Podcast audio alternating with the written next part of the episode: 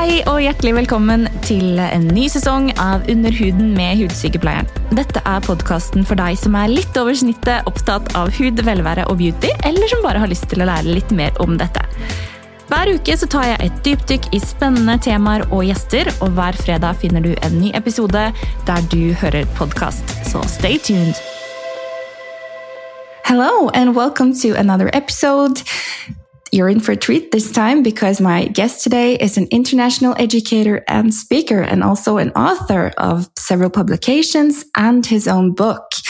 He is uh, the founder of Clinic 1.6 and he presents at some of the largest facial aesthetic conferences in the world and he, uh, teaching and lecturing in over 30 countries. He is a surgeon and uh, he's been practicing facial aesthetics for more than 10 years. So, with that said, welcome to you, Dr. Raul Thank you. Thank you for that kind inter- introduction and for the for the invitation. I'm very excited to be here. Well, well, it's an honor to have you here, and thank you so much for taking your time off your busy schedule. So, thank you. No, my pleasure. Thanks. So, uh, today we're going to talk about uh, very much different uh, stuff. But would you mind uh, presenting yourself so we can get to know you a bit better? Yeah, absolutely. Um, well, you you read my my bio there, so I always yeah. I always find it very embarrassing when I'm sitting somewhere and someone is uh, reading my bio. I'm still after all these years, I'm not used to it. Um, but no, well, my name is uh, Raul Cetto. So I actually um, I trained as as an ear, nose, and throat surgeon and I was an academic trainee. So what that means is that during your your training, at the same time, you um, have to, you know, obviously complete your surgical training, but you also have to complete a um, a research degree, which in my case mm. was a PhD. Um, so during that time, I um, I sort of for the first two years I, I secured a, a, a, grant, you know, to fund my research, and uh, and then I took time out to you know be able to to concentrate on the on the research because you know either of those things is a full time job. Yes. Um, so during that time, I've always I've always had a uh, quite an interest for facial aesthetics, mm. and I don't know where it it comes from. I think it may it might be like uh, you know from growing up uh, in an area like in California where I get to um, you know, you see all these celebrities and how their faces change um, as they yeah. age and then having surgery and things. I've always been fascinated with faces. Um, so I never really thought of being anything else apart from a doctor. So from a very early age, I think I was like 15 or, or 14 and, and I said, I'm going to be a doctor. But, um, but I didn't know what type of doctor. Okay. And when um, after you know medical school and you, you, do your internship and things, I um, you very quickly choose you know if you're going to be medical or surgical, and maybe like most boys, I was like surgery, and I was like just completely in love. And then when I was doing my core surgical training, like literally every specialty that I, I did my rotation in, I, I just loved it. Um, and, oh. and I was like, oh, uh, I'm going to be an orthopedic surgeon. Oh, I'm going to be a GI surgeon. Oh, I'm going to be an ophthalmologist. Like I liked everything to do with um, with surgery.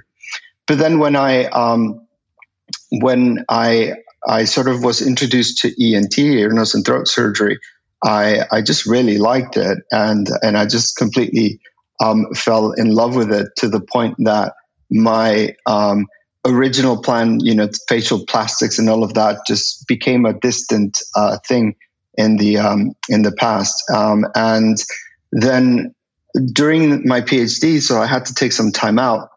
And um, as part of my job, I you know had to organize like congresses and things for my for my bosses, and I organized um, a rhinoplasty forum. Um, oh. And um, I was part of the organizational uh, committee there, and um, and then I met this uh, this a doctor who was not a surgeon, and he was showing everything that you can do with um, with fillers. So he was showing you know um, rejuvenation, nasal treatments, um, and then he was showing you know botulinum toxin treatments and um, chemical peels and things like that. He was just you know giving a, an explanation of the non surgical side of things Yeah. And this was like back in 2010. And I remember it was like a, all of the, the registrars, uh, all of the trainees were, we were sitting at the back and we were just looking at each other. We were like, wow, like I had no idea that you could do that with, um, without surgery. I mean, that's amazing. Mm-hmm. And, and that sparked an interest. Um, and during that time where I was taking time off to do my PhD, I, um, began, uh, you know, training in this area and, you know, traveling to uh, congresses and, um, and reading more and more about it, you know, went to uh, university to do a, um, a degree on it, etc. And, and I just completely fell in love with um, non-surgical aesthetics and, and just never looked back. Yeah, basically. Well, that's uh, very interesting. And and I remember uh, when we were talking in Monaco that you have been like growing up in very many different places. Um, so I thought that, well, beauty is a very wide term, but you would have to know uh, something about what it means in different countries and different cultures. Well, can't you tell everyone where you have grown up and how uh, how you have traveled the world? Yeah, I, uh, we we ended up um, moving a lot because of my father's job when I was growing up. Um, so the first few years were in, in uh, California. Then um, we lived in um, in South America, and areas like in um, Brazil, in um, Venezuela, in Argentina, and then North America in, in Mexico. and and then in a in a couple of, of places uh, here in Europe. And because I was quite young when when um, we started doing that, it kind of it became something normal to me. And yeah. my parents are are Italian, so I was speaking Italian at home and then English in school. But it was it was normal to like move around for me, um, which I guess when you grow up and that's all you know, it's it's normal. Yeah. And it was easy for me as well to pick up uh, languages because of I think the fact that I grew up, um, you know, talking more than than two languages. Um, so yeah, that introduced me to different cultures. I wasn't um, that um, I didn't really have an eye for like beauty ideals, but obviously, yes, like the differences between uh, cultures are are are similar in certain cases and certain things, but they are also very different. You know, from from all of these uh, different countries. Um, but it wasn't really until I started traveling um, for for work for what I do now um, that I I began to realize how um, aesthetic ideals differ. And when I was studying, I I thought that it was more to do with ethnicity, right? And you know, you read that okay, well, the Asian uh, mid face and and you know uh, nose, etc., is uh, is like this or like that. Um, so I, I thought it had to do more with um, ethnicity, but but no, it's actually ingrained in in um, in people's cultures. And the um, the the question that I always uh, pose here is, well, what what is natural? Because natural is really like beauty, which is in the eye of the beholder, and what is natural to someone here in central London uh, might not be, uh, you know, the same standard in in the north of of England, like in in Liverpool or in Norway or in um, in France or in um, you know when I go to the Middle East, when I go to North Africa, when I go to Latin America, when I go to the U.S. The um, the definition of of what is natural and what isn't natural is um, varies a lot in in these uh, different um, cultures, and the the only thing that is uh, that I think I always find that all cultures have in common is the uh, concept of appearing unnatural. That yeah. to them uh, to anyone, it's a signifier of of bad taste or like, oh, you look done or as if you've had um, a cosmetic treatment, etc. But um, but really, that where where I find all the variation is in in what is natural or acceptable in um, in all of these different cultures, and that's something that I had to learn um, when I was uh, traveling because I was trying to apply my my um, same aesthetic ideals, you know, from my demographics here in uh, in London to all these areas where I was traveling, and it it just didn't work. Oh. And I thought because you know London is so cosmopolitan, you know, I I I treat patients from various ethnicities, so I should be familiar with this. But no, in reality, um, you really really have to adapt um, your your ideals and and really get to know the the local people and what they um, what they are seeking and what they perceive to be natural. Yeah, but okay. Um, since you are you are traveling a lot, do you have like a favorite place to go to teach or to visit, or what do you do? I don't. You don't have enough spare time when you're traveling, but if you do, what do you what do you do for fun? You know that I, I get um, I get asked this um, a lot. Like, where's my my favorite places to to go? Um, and my my friends and my colleagues they always accuse me of being quite the politician uh, when I give this answer. But um, really, one of my favorite places to to to visit has been Norway. Um, oh, really? And I'm not just saying it because because you like no, I've I've had so much fun. Um, you know when whether it's been in events that I've been invited to or um, just going to teach at the university. Um, I, I, have really, really, really enjoyed myself, and it's um, it's uh, you know sad that I don't um, I don't get to go there um, anymore. But uh, but you know it, it is it is what it is. I, I was supposed to go for an event um, there, and then it was canceled last year because of the pandemic, and then this year um, they they decided not to reinvite me. Um, but but no, I, I really um, enjoy going to Norway and about traveling in general. I think num- number one, I actually like traveling. Like I like the whole you know That's getting good. getting on a on a flight and then you know going to a different country. I really enjoy when I go to to countries that I never would have gone to uh, or would have considered going to. Um, because of of you know, for example, uh, you know, countries that you were like, well, I would never go there on on holiday, or it's never on your radar, and then you go to these countries, and not only are they beautiful, but everyone is so welcoming. Um, you know, things are so different, um, and and completely the opposite of whatever stereotype we we might have had. So I really have enjoyed uh, expanding my my view on on you know how different cultures work, etc. And and it's you know been a, a great opportunity to uh, to do this. Yeah, and I bet you get to um, experience a lot of different cuisines and uh, yeah. What's oh, uh, yeah. do you have any favorite like uh, styles of food, or maybe it's Italian since you are Italian? No, I, I do like Italian food, but but um but no, I I like literally I just like good food. Yeah. Um and where wherever I go, um I like to try the the local food, the local drink, um and and I, I really really like to to experiment all of the local things. Um so I'm I'm very open with with food. Yeah. I just like the the the whole culture around you know food and and um, and usually when you go to certain countries you know everyone is so happy that you're there. They want to show you what the local cuisine is and and they want you to try all these things. And and I, I don't know maybe because of my my upbringing you know whatever you put in front of me I'll I'll just I'll eat it. And you know if I don't if I don't like it then I might uh, probably won't won't finish it or won't have it again. But um, I'll I'll try anything really.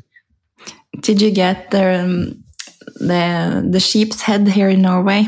That's the very very local thing we have going.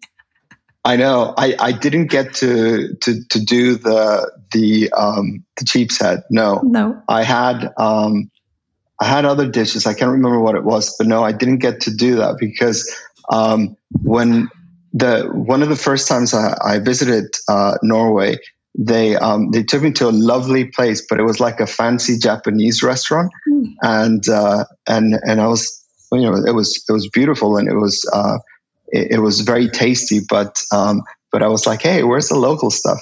Um, so I think sometimes people think that you want to um, eat the you know the same type of food that you would in in your in your own city, um, when in reality I just want to try the the local cuisine. so no, um, maybe next time. Uh, next if time. I if I go back to Norway, definitely. You should come back. You're an excellent educator, so why not? Thank you. No, I would love to. I'm sure I'll I'll jump on the opportunity to do that. Yeah. Well, what is your like favorite thing to do on stage in terms of uh, procedures or or um, topics for lectures? Do you have like, oh, this one, oh, it's going to be good? um, I so I love and well, luckily it's my job, but uh, I love doing uh, treatments with dermal fillers, mm. and it's it's really because you you immediately see the um, the result. Um, and yeah, I know that you know there's redness, etc. To begin with, but um, you can see the that change and and the impact that it has on the um, on the patient. Um, in terms of what area I, I like to treat the most, it it really depends because as you know, I, as I evolve in in in my field, and the more and more I learn, I I sort of try and change my techniques and and my approaches to different things. So I like to um, to you know if if I'm if I had something to if if they ask me, okay, well, there's this conference coming up, what would you um, like to to present? It really depends on what I have that is new. So if I if I've read something, for example, on the lower face or in the chin or the mid face that I think I can um, I can do a good demonstration of, then that's what I would um, I, I, would love to do.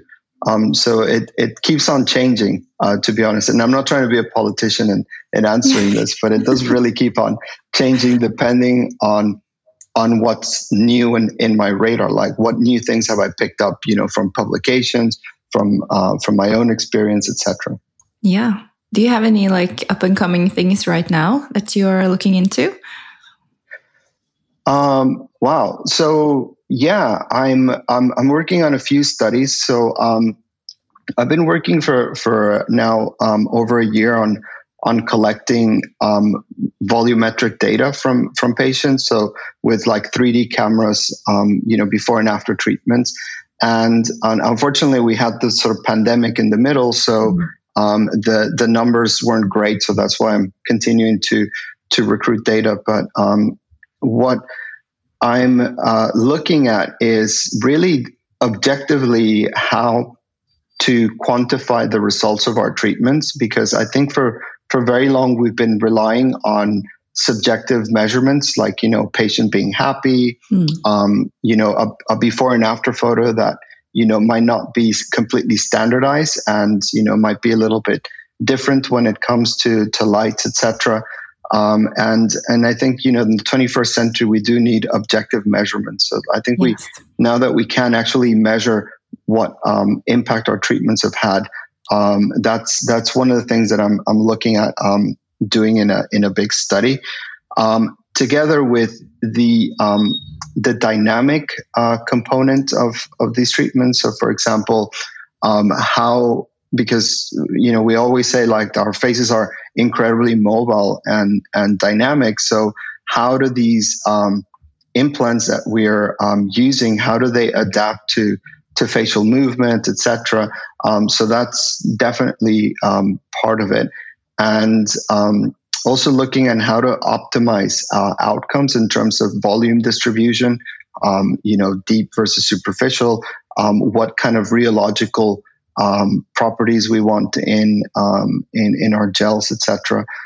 So so yeah, that's that's one of the things I'm I'm working on. I've got a a couple of publications that I, have I've just haven't been able to finish, unfortunately um, which I hopefully will uh, be able to do before the end of the year. Yes. And um, and and then Lee and I are working on a, on another book. Um, oh, so exciting. so um, yeah, and um, those are the things in terms of um, research and publications, but also in terms of uh, training and offering different uh, types of experience uh, for training. Um, I think you can expect some some big changes um, next year. Oh, exciting. because you have your own um, your own aesthetic fractions it's called uh, it's a training uh, faculty Who can come train with you? Is it anyone in the aesthetic medical industry or? Yes, um, absolutely. Um, so aesthetic fractions is um, it's a collaboration that Lee um, and myself started, um, and it was it was initially um, designed to to be more of a of an update, you know, for practitioners who are, are already in the in the field, um, and you know, because we tend to work independently, and and you know, we sometimes you know we're not we were so busy we're not keeping up to date to um, new developments in the field, etc. So it was designed as um, a course to update um, you know fellow practitioners, um, and it was going in in thirds, so that's why it's fractions. So upper mm-hmm. third, middle third, and lower third of the um, of the face. Um, going through the latest evidence based and um, everything that's pertinent to um, injectables. So that that would you know involve um, you know treatments with uh, with toxins and also treatments with uh, with dermal fillers. So it's more designed as as a an update for practitioners that that you know have been um, in the in the field uh, for a while. Um, it's uh, different to to um, other courses that um, that you know will take someone from from the beginning and and you know train them up. Um, so aesthetic fractions was designed more as a as a, a way to update um, fellow practitioners.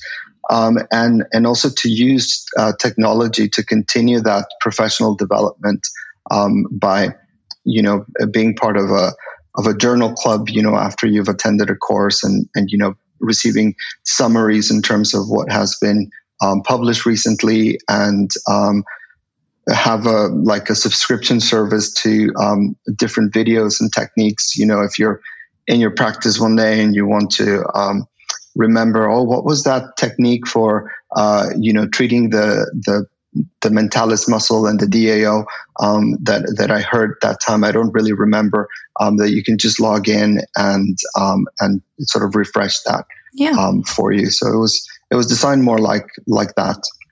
That's clever. Yeah. How many um, participants do you like have each year, or can is there an enrollment continuously, or do you have to partake in different uh, months? So it's um, it it is very small groups uh, because it is um, it's a lot to go through, and I don't like to exclude the practical component um, of these um, things. I think you know getting the hands on it's it's a very important part of of training. So mm-hmm. I don't like it to just be theory. Um, so that's why the groups are are are very small. Um, I think we have six um, people, six delegates at the most, hmm. um, you know, in order to be able to include the practical component. And, and it's done over the course of, um, of two days. And it's, uh, it's also one of those things that, you know, we started uh, at the beginning, we launched at the beginning of 2020. And, and then, you know, we had the um, the pandemic. Mm. So we've been lucky enough that um, we've uh, you know I've been able to do quite a few of those courses, and I still have uh, one coming up next month and another one in in December. Um, but but um, yeah, it's um, you know like all, all of these things that they just had to be rescheduled and postponed and postponed yeah. and postponed. But it's um, it's a nice um, sort of weekend um, thing to do. Um. I, I feel um, what what I wanted to design is what what kind of course um, what I feel would benefit me um, as a practitioner, and um, and and that's really what I had in mind in terms of um, designing the program. That's awesome.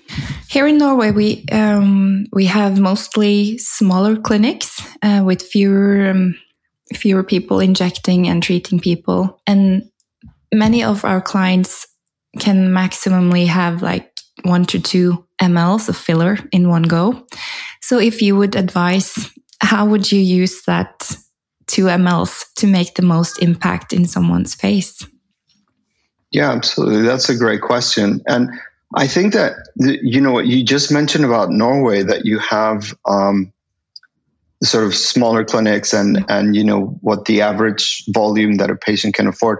I think it's the same um, in most places. If I'm if I'm honest with you, okay. I think you know it's it's um, these uh, sort of bigger clinics that are chains, etc., that tend to do larger volumes. Um, I think they're too far in between. Um, so I think what you've just described kind of is um, is a very similar um, thing across uh, you know Europe and and especially across the world really. Um, if I mean it it really depends on a patient by patient basis I think, but if you think about it, like what if if um, if I have a limited volume, where can I create the most impact from it? Mm-hmm. Well, if we look at the evidence um, of you know how to create surface volume um, with you know treating the aging process, which will affect the deeper layers as well as the more superficial layers, the um, the highest impact that we can achieve is by treating the suborbicularis oculi fat, so the SOOF, um, so that deep fat compartment that's attached to the bone. So that gives you a very uh, a great superficial expression of volume. And if I think if we're treating the aging process, I think that is definitely um, an area that I think it's um, it's definitely worth treating um, because with small volume, you can um, do a rejuvenation treatment that you know, as we all know, by treating the midface, you will indirectly um, treat the infraorbital region, the um, the nasolabials, the, the, the lower face. So you can achieve quite a lot by um, by treating the mid face when you're focusing on the aging process. So that's that's one answer. But then I think if we you look at the areas that have have the highest impact on on anyone will be um, eyes, nose, and mouth. Um, so those are everything around there in, in the midline will have a, a huge impact. So really in, in some patients, you know, just, um, you know, especially younger patients, like literally just treating the, um, the under eye um, area to, to just change the light reflex, um, make them look less tired. So that has a very high impact. Um, doing um, a, a lip enhancement, whether it is for, you know, slight subtle rejuvenation or, or for an enhancement, I think also has a, a very high impact. Treating a nose, um, in in particular, any um, deformities that you might see in profile um, have a, a, very very high impact. Um, not just in profile, but also from an anterior perspective, as you can, you know, make a nose look slimmer, um, and and you can also treat the aging process as as it affects the um, the nose. So I, I, would look at those things. So number one, the the evidence. So, like if you're treating the aging process, yeah, you will get quite a lot by targeting the suborbicularis oculi fat. But also think of those areas that um, draw our attention the most, which will be eyes, nose, and mouth. So anything there in the in the midline. Yeah, that's very good advice. Thank you very much. But um, my listeners are mostly from the Nordic region, and um, well, it's autumn and it's getting uh, it's getting colder. How uh, how can we take care of our skin? Because I know you are very good with skin as well. Um, when the when the um, winter is coming.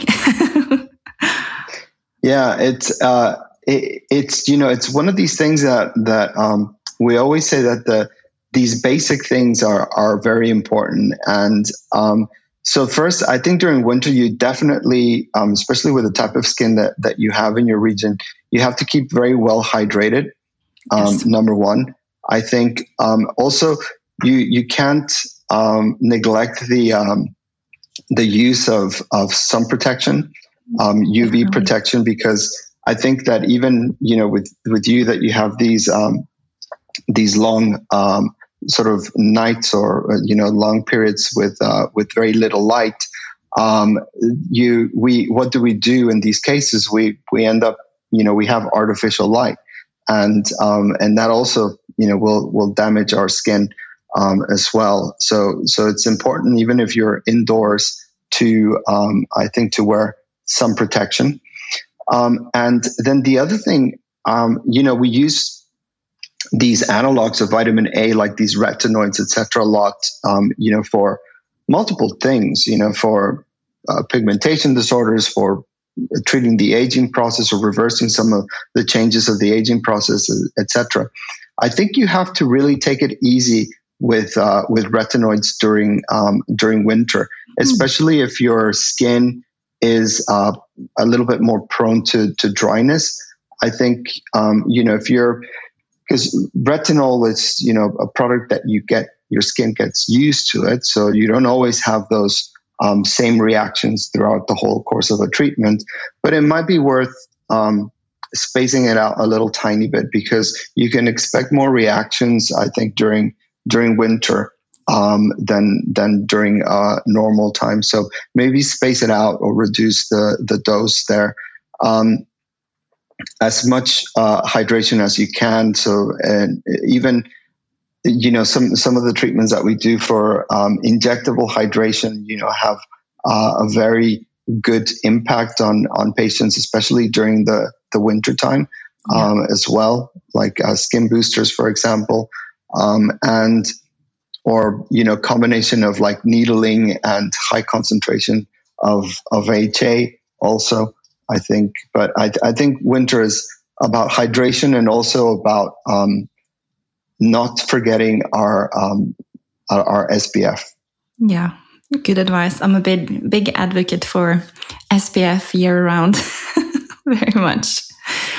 You know, before this podcast, I opened up a question box uh, on my Instagram so that people could um, uh, write questions for you, and one of them was.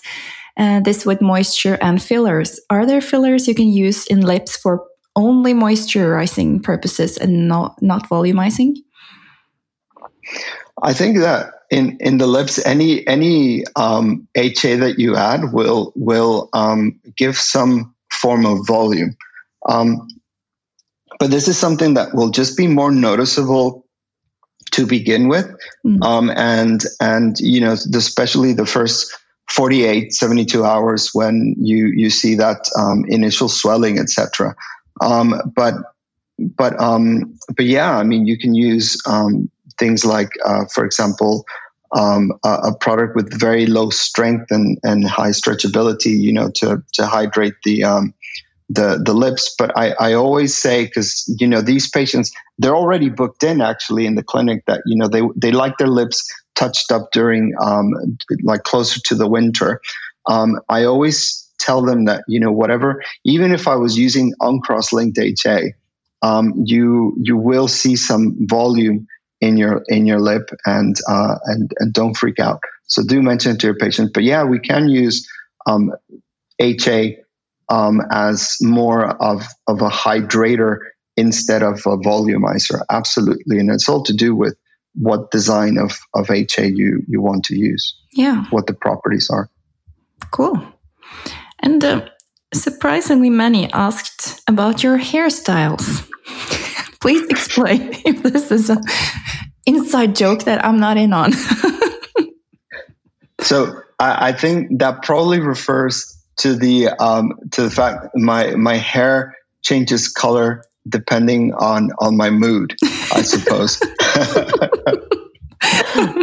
yeah. yeah. Um, I I very rarely have a haircut. That's the that's the thing. Like mm-hmm. I think I'll I might have a haircut like um like maybe twice a year. Yeah. So that's why when my hair is like is like this. It's not not um long and and and sort of puffy on um on purpose. It's just really because I'm very disorganized and I find that whenever I go and have a haircut, it just they just do it very short. Uh, uh, but but yeah, no, I've I've had um runs in my family um, like um, silver hairs uh, uh, since um, since I was like in my my mid twenties. Yeah, and um, and and sort of uh, around that time, I started coloring my hair. But then, same as like looking after my hair, like you know having regular haircuts, like I just didn't really keep up with it. So my hair just went from being like dark to to just being kind of uh, silverish and and then since the pandemic, I just I, I said, you know what, I, am not going to do this uh, because it's it's just too much of a pain.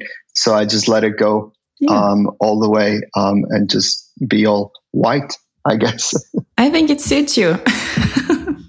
it does. but I also got my first grace in my 20s. Uh, so I think it's quite normal, actually, at, at least here in the Nordics.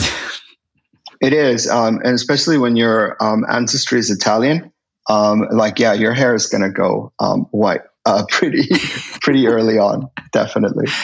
Do you ever go to Italy for vacations and stuff or? Uh, yeah, absolutely. I love I love going to for um, on holiday, um, and I um, I had the opportunity to be there in July, and it was um, my first conference uh, since the pandemic, and it was um, it was a, a, beautiful conference in Rome um, that I've been to in the past, and it was the first conference as well that they've had there since the pandemic, and it was it, to be honest with you, it was quite emotional. You know, not seeing colleagues and also seeing the reaction of uh, you know being in person again. Yeah. Um, it was um, it was quite uh, quite an emotional and and uh, and and uh, pleasant experience, and also being in Rome because uh, at that time in July. Italy wasn't um, allowing tourists in the country, mm. so um, you if you went there, you had to like quarantine for like five days. So I had an exemption from the government for five days because um, I was going there for work. So um, I, I stayed for an extra two nights, I think, and um, and I was walking around Rome, central Rome, like the Vatican and all those areas that usually you have thousands of tourists um, all over there, Crowded. and there was no one there. There were just some, like you know, just local people, just Italians. Um, I even just walked into the Vatican Museum, which, you know, usually you have to queue there for hours and pre-book and, and things. So it was, um, it was a very nice experience, not just going to a conference, but also being in Rome with, um, with no tourists is, um, is something that I've never, never experienced. No, that must be like uh, a very cool experience, um, being alone, walking around yeah, it was very eerie. But have you? Uh, I usually ask my guests this: Have you ever gotten a really good or bad piece of advice during your career or in your personal life? Um, I get bad advice. I don't don't know actually. Um, sort of career wise, um, de definitely um, good advice. So, for example, um, one of one of my um, bosses when I was um, training as an ENT surgeon, um, he used to say, just you know, treat your patients, treat all of your patients as if they were you know your family members or, or friends. Um, and if you do that, then you you will have less um, complications. You will have less unhappy patients. another one was also around that time was always always see your patients, always follow them up, um, especially when um, when they feel like there is a, a problem or a complication, which most of the time, as you know, it's it, you know, especially in what we do, it's um, it's something to be expected that you probably even gave your patient in the aftercare mm-hmm. instructions. But if they feel like something might be um, might be wrong, even if you're certain that it's uh, it's nothing, just see them. Always see your patient. Um, fit them in in your clinic, just you know, five ten minutes, and that means the world to them. Um, so always, always follow up your patients. And in terms of aesthetics, um, uh, what we do, this non-surgical um, facial plastics that we do, I think just because um, training is is not standardized, you know, in this like in other areas of of medicine. So yes, there are some uh, amazing university courses and, and training courses that you can attend, but it's not the same as when you're training um, in other areas of medicine. Um, and luckily, it's it's sort of moving there towards you know more regulation and and uh, more structure um, in some countries. But I mm-hmm. I would say just treat treat it like any other um, area of medicine. So um, how do you get good at it? Well, you start with the basics. You know, you go um, try and do a, a degree or, or, or a, a, diploma where you can go through all of the basics. And then um, you start seeing patients um, supervised. Um, you know, maybe work in a in a practice where you're working under somebody um, and keep up to date, um, like like you would with any other area of medicine. You know, with doing courses, with attending uh, congresses, etc. And um, and and really just that, like just treat it like any other um, area of medicine. And I think that the dates really of of doing a, a one or two day course and then just you know going on and opening on your own practice or or training a uh, academy is is kind of um, hopefully it's it's more in the past and and now we can treat it really as a uh, as a, a, a, branch of medicine. Yeah, I agree very much. And um, I'll, I'll, i also wanted to ask you what uh, kind of annoys you most about this industry that we're in. But uh... um, so um, I, I, don't think it's an, an, annoyance, but but you know we're it, it's a it's a very lucrative uh, market, you know, uh, not just for for practitioners, but for pharma companies, right? That mm-hmm. that sell a lot of these products that we use. So one of the things that I mean, you could say an, annoy me is the fact that you know when when things are not um, evidence based or, or or you know fact based and and they're you know they use certain marketing um, spins you know to to try and sell you something. So always do your your research um, make sure that everything is uh, independently peer reviewed and published etc um, and um, so that that I don't like, and and I it really stood out to me when I um, began in this industry, coming from a, an academic background. Like you know, the fact that there was no um, evidence based, like there was no um, there, there was very little um, in terms of evidence based to a lot of these um, devices and products that were being sold, um, and just you know, we all uh, at some point, especially when we're younger, we kind of want to run before we can we can properly walk. Um, so I I would just say like just don't be in a in any rush to um, to try and and accomplish um, something and and you know take your time because it's like everything. How do you get good at something by by doing it over and over again, but also by by making mistakes, having complications, and um, you know that's that's how we learn. So yeah. um, just don't be don't be in a rush to try and and and put yourself um, in a in a certain position. Yeah, that's good advice. And one thing I have to say that um, your book that you have written with um, Lee Walker, it's called Facial Aging and Injection Anatomy. I would uh, advise anyone in this business to go get that book because it's very good and uh, explains very much uh, in very simple matter. So, would you mind telling us where we can get our hands on that book? Yeah, absolutely. Um, so if you um, if you either follow uh, Lee Walker uh, Academy um, on Instagram um, and just go to the link there, or uh, and myself, uh, Dr. Cetto, um, D R C E T T O. Um, there's a link there in, in my bio on Instagram, and or you can get it from LeeWalkerAcademy.com.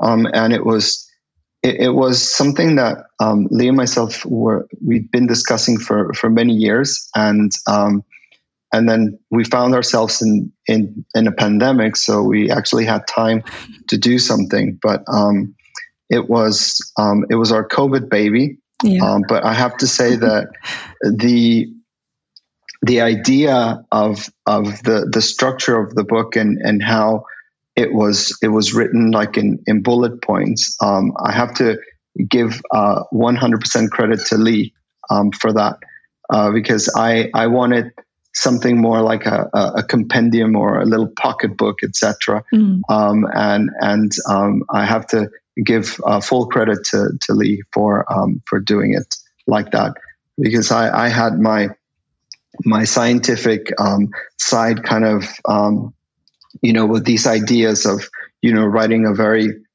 what I think might have been a very complex book, even though I, I didn't mean it to be like that. But he, um, he really had his eye set on, on, on writing something that was not just current and evidence based, but that was easy to follow.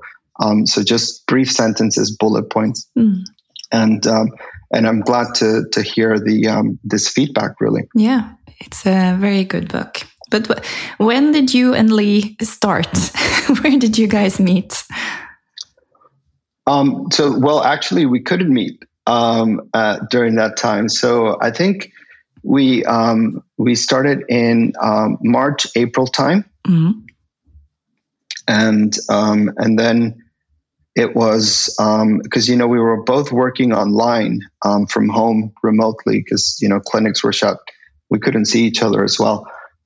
So um, so it started um, it started there, sort of March, April time that we we said you know what, let's let's just do this.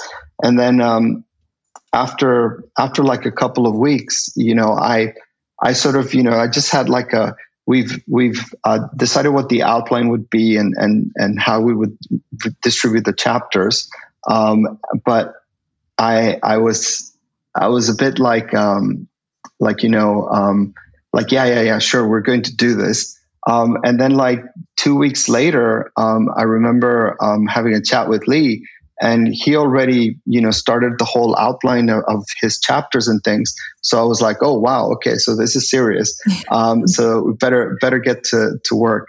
Um, so yeah, no, it started around April um, last year, and then it was then we we had the the brilliant uh, Dr. Tony Burke, yes, um, you know, work on on the illustrations, and there was a lot of going backwards and forwards um, there with um, ideas that like Lee had in terms of how to um, make these um, these concepts that we were trying to bring across um, easier to to understand and how to complement the information of of the book. Mm. so it took it took about a, a year, maybe maybe nine months. I think it took. Because those illustrations are so good, I actually use them to teach my patients and educate my patients on what the procedures are I'm going to do and what the risks and how to place. And yeah, it's really good.